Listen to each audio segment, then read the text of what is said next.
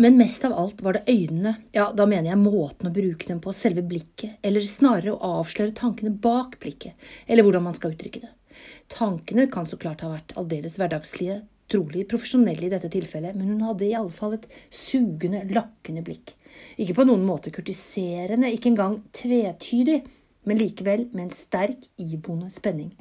Hun hadde mørkt, halvlangt hår, en lett parfymeduft rundt seg, og hun førte bordet mot tennene mine så å si med hele kroppen. Grasiøst koordinert, med en myk vridning av overkroppen, kompensert av en lett spenning i venstre lår og høyre legg. Hun fikk en medlidende, medlidende nyve mellom de mørke øynene og spurte om jeg ønsket bedøvelse, for hun så seg nødt til å bore ganske dypt. Jeg følte ingen smerte, men takket ja for å forlenge besøket. Og jeg oppnådde vel ca. fem minutter, men mistet samtidig evnen til å artikulere da bedøvelsen spredde seg i tunge og lepper. Dermed sløste jeg bort enhver mulighet for en pratestund etter behandlingen, som jeg hadde satset så hardt på. Det virket latterlig å snakke når jeg ikke kunne forme ord, så jeg ble tvunget til å tie. Og når jeg nå tiet, virket det latterlig å bli der, så jeg vandret taus av gårde med bankende, eggende puls. Dagen etter skulle plomberingene pusses over, og jeg ladet opp til kraftfylt kurtise. Jeg øvde på spøkefulle, galante formuleringer, kledde meg opp og studerte manerene til dem jeg antok representerte dagens unge løver. De virket ikke altfor ulike meg selv, slik jeg hadde vært før jeg la an en mer bohemaktig livsrytme. Så repetisjonene gikk riktig fint da jeg sto alene foran speilet i kahytten og terpet på vinnende replikker. Men ute i den barske, virkeligheten, i dette tilfellet en klinisk tannlegemottakelse i nærvær av en ung tannpleier og med stressede pasienter innen hørevidde, ble det vanskeligere å gjenfinne den vinnende stilen.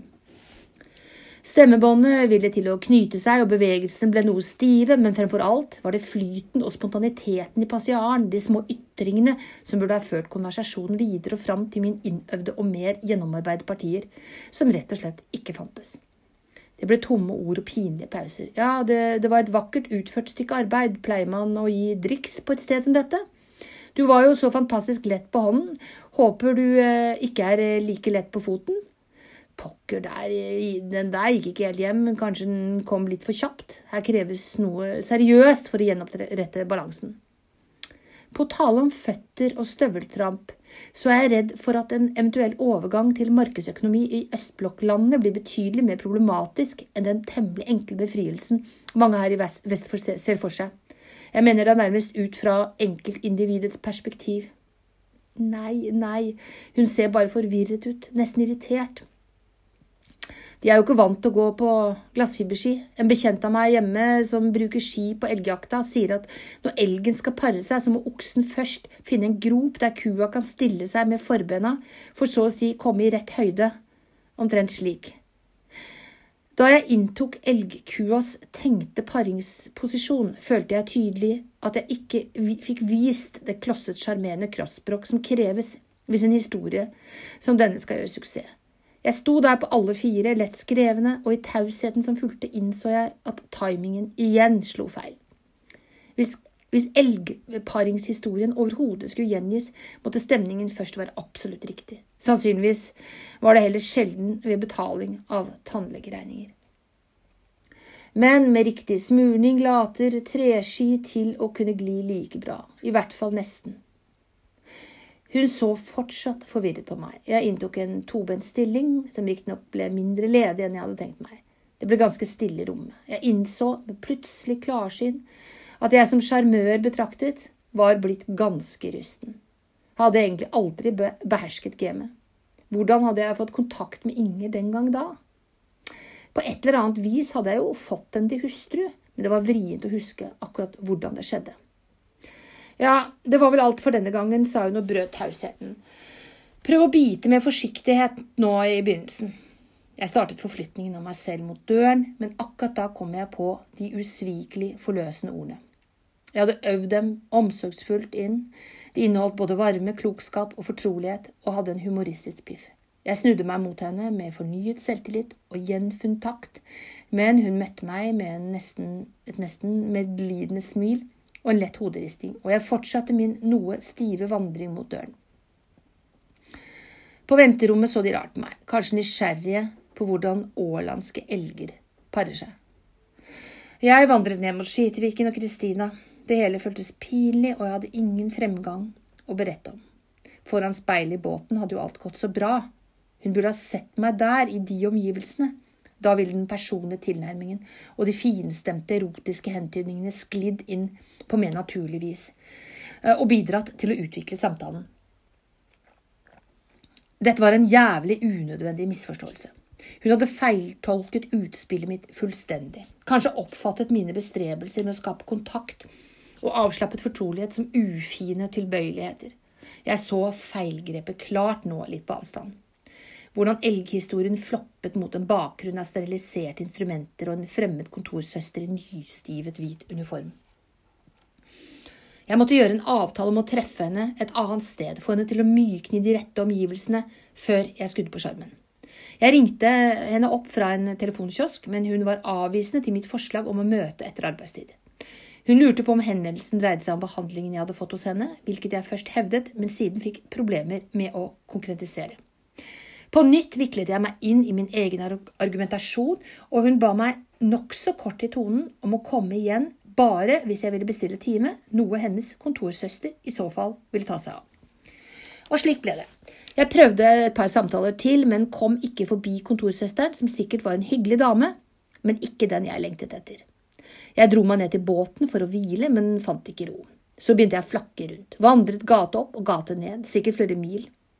Byen var koselig, ganske lik Mariehamn, men med færre turister og lavere saltinnhold i vannet. Livsstilen virket en smule gammeldags, som i min barndoms Mariehamn. Men hva var det jeg tenkte på? Jeg var som besatt, besatt av kjærlighet eller begjær eller hva det nå var. Jeg bare vandret til jeg stupte og sov, til jeg begynte å vandre på nytt. Det varte noen dager, og mine grublerier nådde ikke langt. Det tok ikke form av en altoppslukende person. Jeg kunne jo snakke med Oske og Vikke, de virket som erfarne og jordnære karer. Så da jeg en morgen på såre føtter etter nattevandringen kom tilbake til Kristina, og dette falt sammen med gubbenes lasting av fiskeredskap, ba jeg dem om bord på kaffe. De nølte ikke med å godkjenne en liten konjakk som erstatning for kakene vi ikke hadde. De inntok, den, eh, de inntok den da også som om den var en skive styrkende gråbrød, uten spor av den lastefullhet som jeg alltid har forbundet med konjakk før klokken 13.30.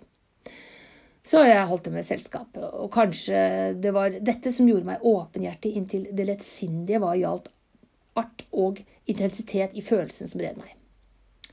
Det var en lettelse å få dele med andre opplevelsen av å jage søvnløs og sulten, gate opp og gate ned, med all livsutfoldelse og kognitive, fysiske ressurser fastlåst i det fortærende problemet å vinne min elskede. Diskré og litt feigt utelot jeg hvor begrenset framgangen hos damen foreløpig hadde vært. Det ville på en måte ha punktert den ladede atmosfæren av brorskap midt i et pasjonsdrama som vi så behagelig dvelte ved. Og to handlingens menn som Oske og Vikke kunne knapt forestille seg at man mistet retningen totalt dersom man ikke fikk litt styrefart på kjærligheten først. Rimeligvis i form av gjengjeldte følelser. Ja, ta meg faen allikevel, sukket Vikke, da jeg på hans spørsmål hadde fortalt hvem kvinnen var. Så hun har begynt å få nok av den jævelen til slutt. Av hvem da? Nå av Callen sin. Det er en avtalt type, vet du. Driver um, og har seg med andre kvinnfolk og greier. Så hun var allerede opptatt. Og hvorfor skulle hun ikke det? I hennes alder var jo de beste gått for lenge siden. Jeg hadde bare ikke tenkt over den siden av saken. Men han eier jo, jo jente heller. I dag kan jo kvinnfolka bytte ut Callen når han, når han blir for avtal, og så avtal som den der jævelen er så liker hun sikkert det mye bedre. Bare å få muligheten til å velge. Og de fortalte at denne ekle fyren het Esko og var fast ansatt ved byens militærforlegning i Dragsvik. Og at han eh, der var berømt og beryktet som plageånd for rekruttene og en som tyranniserte sine underordnede. Sympatien deres lå helt klart hos meg, og formodentlig så Vikke også på meg som et mulig redskap til å hevne sin sønn, som hadde lidd under Esko som vernepliktig. Hvordan han kunne skape seg et inntrykk av meg som en mulig hevner, særlig ettersom Eskos antydede syke og hans egen uttalte forventning sannsynlig gjorde at hevnen skulle utøves som fysiske håndbegripeligheter, forekommer meg å være en gåte. Riktignok så jeg fortsatt temmelig kraftig ut. Foreldrene mine hadde opparbeidet den styrke som krevdes for at vår rase skal overleve, og i arv hadde de gitt meg en robust benbygning med plass til nødvendige muskler. Med velsydde klær og måteholdne bevegelser kunne jeg sikkert ennå gi et skinn av å besitte en god fysikk. Jeg nøt rollen som utfordrer og hevner, og ba gubbene på lunsj på restaurant Knipan for å forlenge opplevelsen. Knipan er et behagelig gammelt sted. Og eh, gravsik med burgunder fikk vår lunsj til å gli over i ettermiddagskaffe med konjakk, hvilket i neste omgang gled over i middag da sulten satt inn. Nå gikk vi for svinekjøtt og potetmel og dram, og jeg hadde ikke lenger noe som helst problem med identiteten som den tause, sterke hevneren og elskeren. Jeg bør tilføye også rettferdige der, dersom jeg i løpet av dagen var kommet under vær med hvilken velgjerning den som befridde Marianne fra den avskyelige Esko, ville utføre. Nå, det ene tok det andre utover kvelden, og litt før skumringen befant jeg meg med enkelte sidesteg på tur opp mot Marianne og Eskos hus. Før det hadde jeg kontaktet dem et par ganger på telefon. Først svarte Marianne, men hun la straks la på straks hun kjente meg igjen. Deretter overtok en mannsstemme, som svarte enda kortere. Han presenterte seg ikke, og ut fra den upolerte stilen konkluderte jeg med at dette var det beryktede gran, granathuet Esko.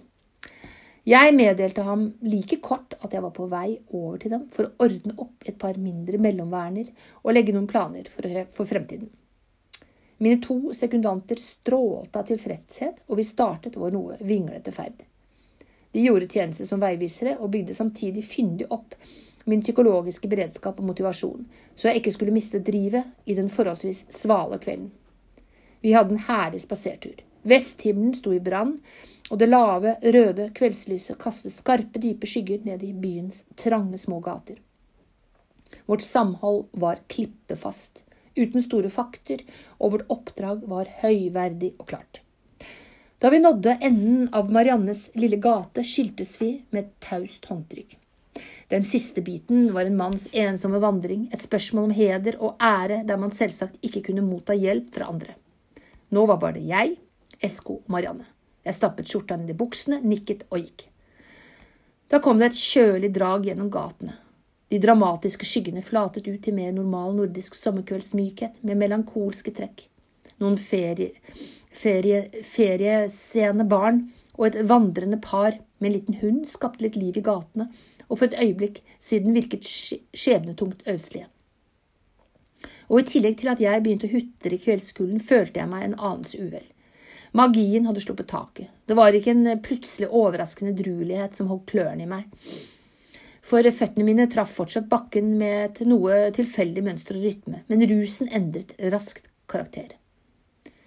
Alkoholrus er opportunistisk i sitt vesen og har kameleonens tilpasningsevne. Rusen er således ikke mye å stole på.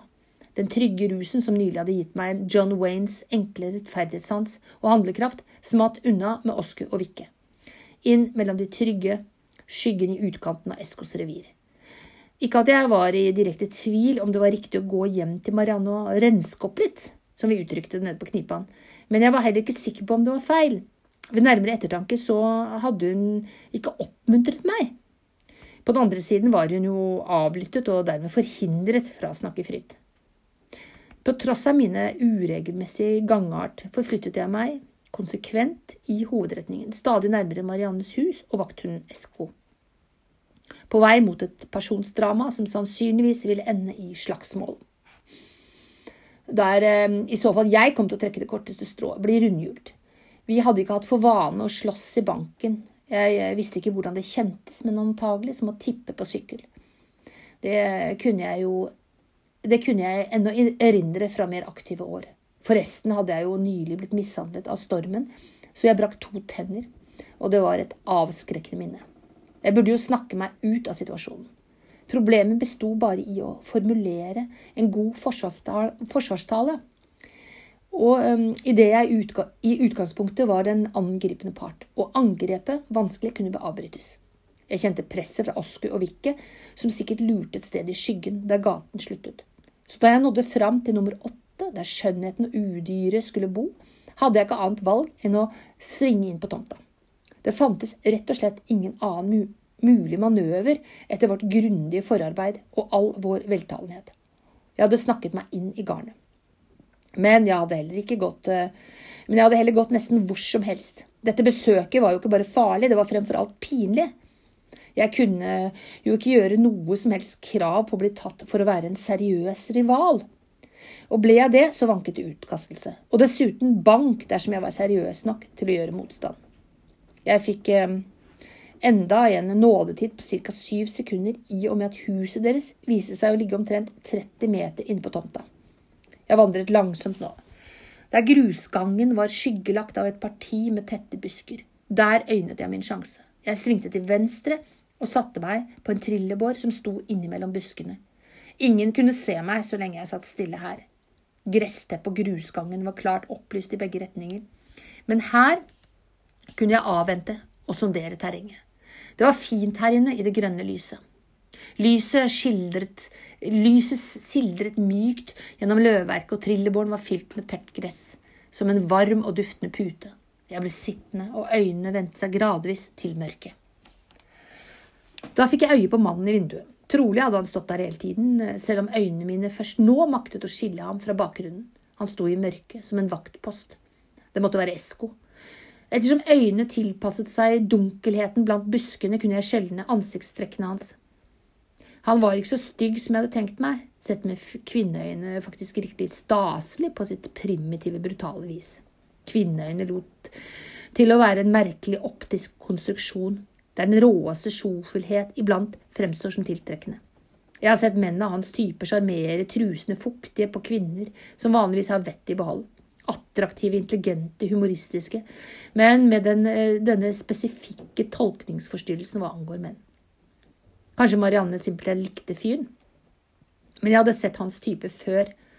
Kjente igjen blikket eh, og visste at selv om vi hadde møttes i de gunstigste og mest kameratslige former, så hadde vi gått grundig lei av hverandres selskap etter høyst ti minutter.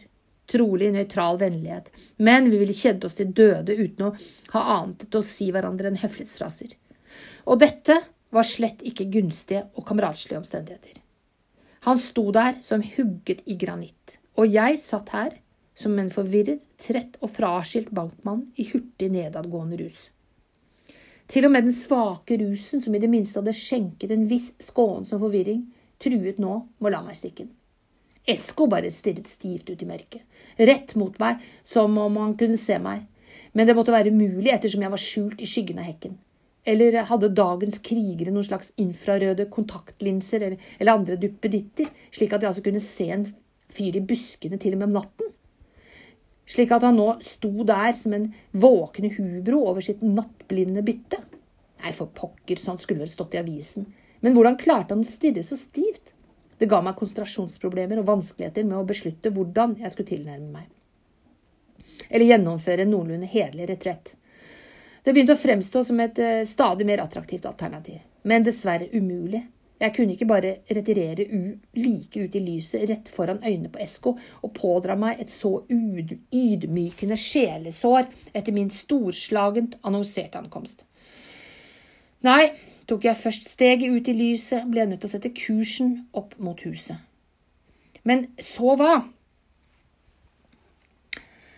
God aften, det var jeg som ringte. Harald Granit, jeg vil gjerne treffe din hustru. Men hun vil ikke, og jeg vil det heller ikke, så det er nok best at du sørger for å komme deg bort herfra. Og da mener jeg ikke tilbake ut i buskene, men bort fra området, bort fra byen. Steinansiktet revner, og talen blir anstrengt opphisset så snart han letter på selvdisiplinen. Ja, det er nok en liten misforståelse. Hun kommer til å forandre mening når vi får snakket ut om det hele. Antagelig liker hun meg svært godt bare vi får sjansen. Mariannes søvnige stemme avbryter meg inne fra mørket. Hun har tydeligvis sovet på tross av at jeg har meddelt min ankomst. Ekki, hva står, eh, hva står dere der og skriker for midt på natten? Det er vel ikke den jævla tullpeisen fra Åland som har kommet hit enda jeg… Og så videre. Det kunne arte seg omtrent slik. Og hva mer kunne jeg si, og hvor skulle det ende? Men der sto Esko og stirret som en kjempehubro, og lyset flommet overalt rundt busken min. Det gikk ikke å rømme stedet heller. Så vi bare stirret i mørket. En hel natt orker man ikke stirre, selv om Eskos blikk var nesten hypnotisk. Kulden steg opp fra det stadig mer duggvåte gresset, og tankene begynte å kretse om Kristinas varme køye, mens øyelokkene gled igjen nå og da. Kanskje vi var for gamle for dette her, Esko og jeg. Jeg våknet av at det smalt i tennene. Hodet hadde falt ned mot bryst så de søvnslappe kjevene slo i hop. En bit av tungen hadde kommet i klem, og jeg hadde smak av blod i munnen. En svak hodepine begynte å spre seg fra nakken, som var anspent av kulde og tretthet. Jeg frøs. Nå fikk det være nok. Jeg reiste meg opp, tok et par skritt ut i lyset, kikket opp mot vinduet der Esko sto, og vinket trett. Jeg så ham knapt nå da jeg utsatte øynene for lyset men jeg tror ikke at han reagerte i det hele tatt. Vi bare stirret en stund, så hevet han hånden til svar, søkte mot en lysbryter til høyre og slo av hagebelysningen. Jeg befant meg i et diskré, dekkende mørke, og Esko syntes heller ikke i vinduet lenger. Han var nok ikke så dum likevel, og han bevilget meg en noenlunde verdig sorti. Da jeg kom ut på gaten igjen og fikk se gjemmestedet mitt fra et annet perspektiv, skjønte jeg straks at han ikke trengte ugleøyne for å oppdage meg. Sant nok, jeg hadde sittet i mørket, men i klar silhuett mot gatens opplyste bakgrunn, som på utstilling. Når det gjaldt å dra på frie ferd, var jeg nybegynner og for gammel. På stive ben transporterte jeg meg selv ned mot Skiteviken og Kristinas myke køye. Til mine kupaner så jeg ingenting, og det er vel knapt til å forundres over. Dramaet hadde jo oppløst seg til en ganske så blodig affære. Rimeligvis hadde jeg ikke rukket å tenke over fremtiden, men jeg innså at dette var min siste vandring i Ekenes. I hvert fall for lang tid fremover. En trivelig by. Jeg hadde opplevd noe nytt. En duft av jord og råtne løv fra hagene, disen over stille vann og vinden som rister duggen av trekronene. Kattenes herredømme over gaten i noen mørke timer og ødselig ensomt hundeglam. Nattmenneskene som går hjem parvis i begjær eller ensomme og beruset. Morgenmenneskene med sine fiskeredskaper. Det var en liten by, en vakker by. Å forlate Ekenes nå ville vært som å seile rett ut i tomhet, kulde og ensomhet. Ferten av Marianne kunne merkes i bakken og i bygningene. Dette var hennes odde, hennes vik og hennes gater. Så lenge jeg var her, tok jeg del i hennes vesen, og noe som vendte situasjonen til min fordel, kunne jo inntreffe. Jeg kom ned til Kristina, la meg ikke av hytten, kikket i taket og sovnet til slutt fra alle flakkende grub grublerier. Nattens strabaser hadde kostet krefter. Da avslutter jeg for eh, i dag. Ses igjen i morgen. Over og ut.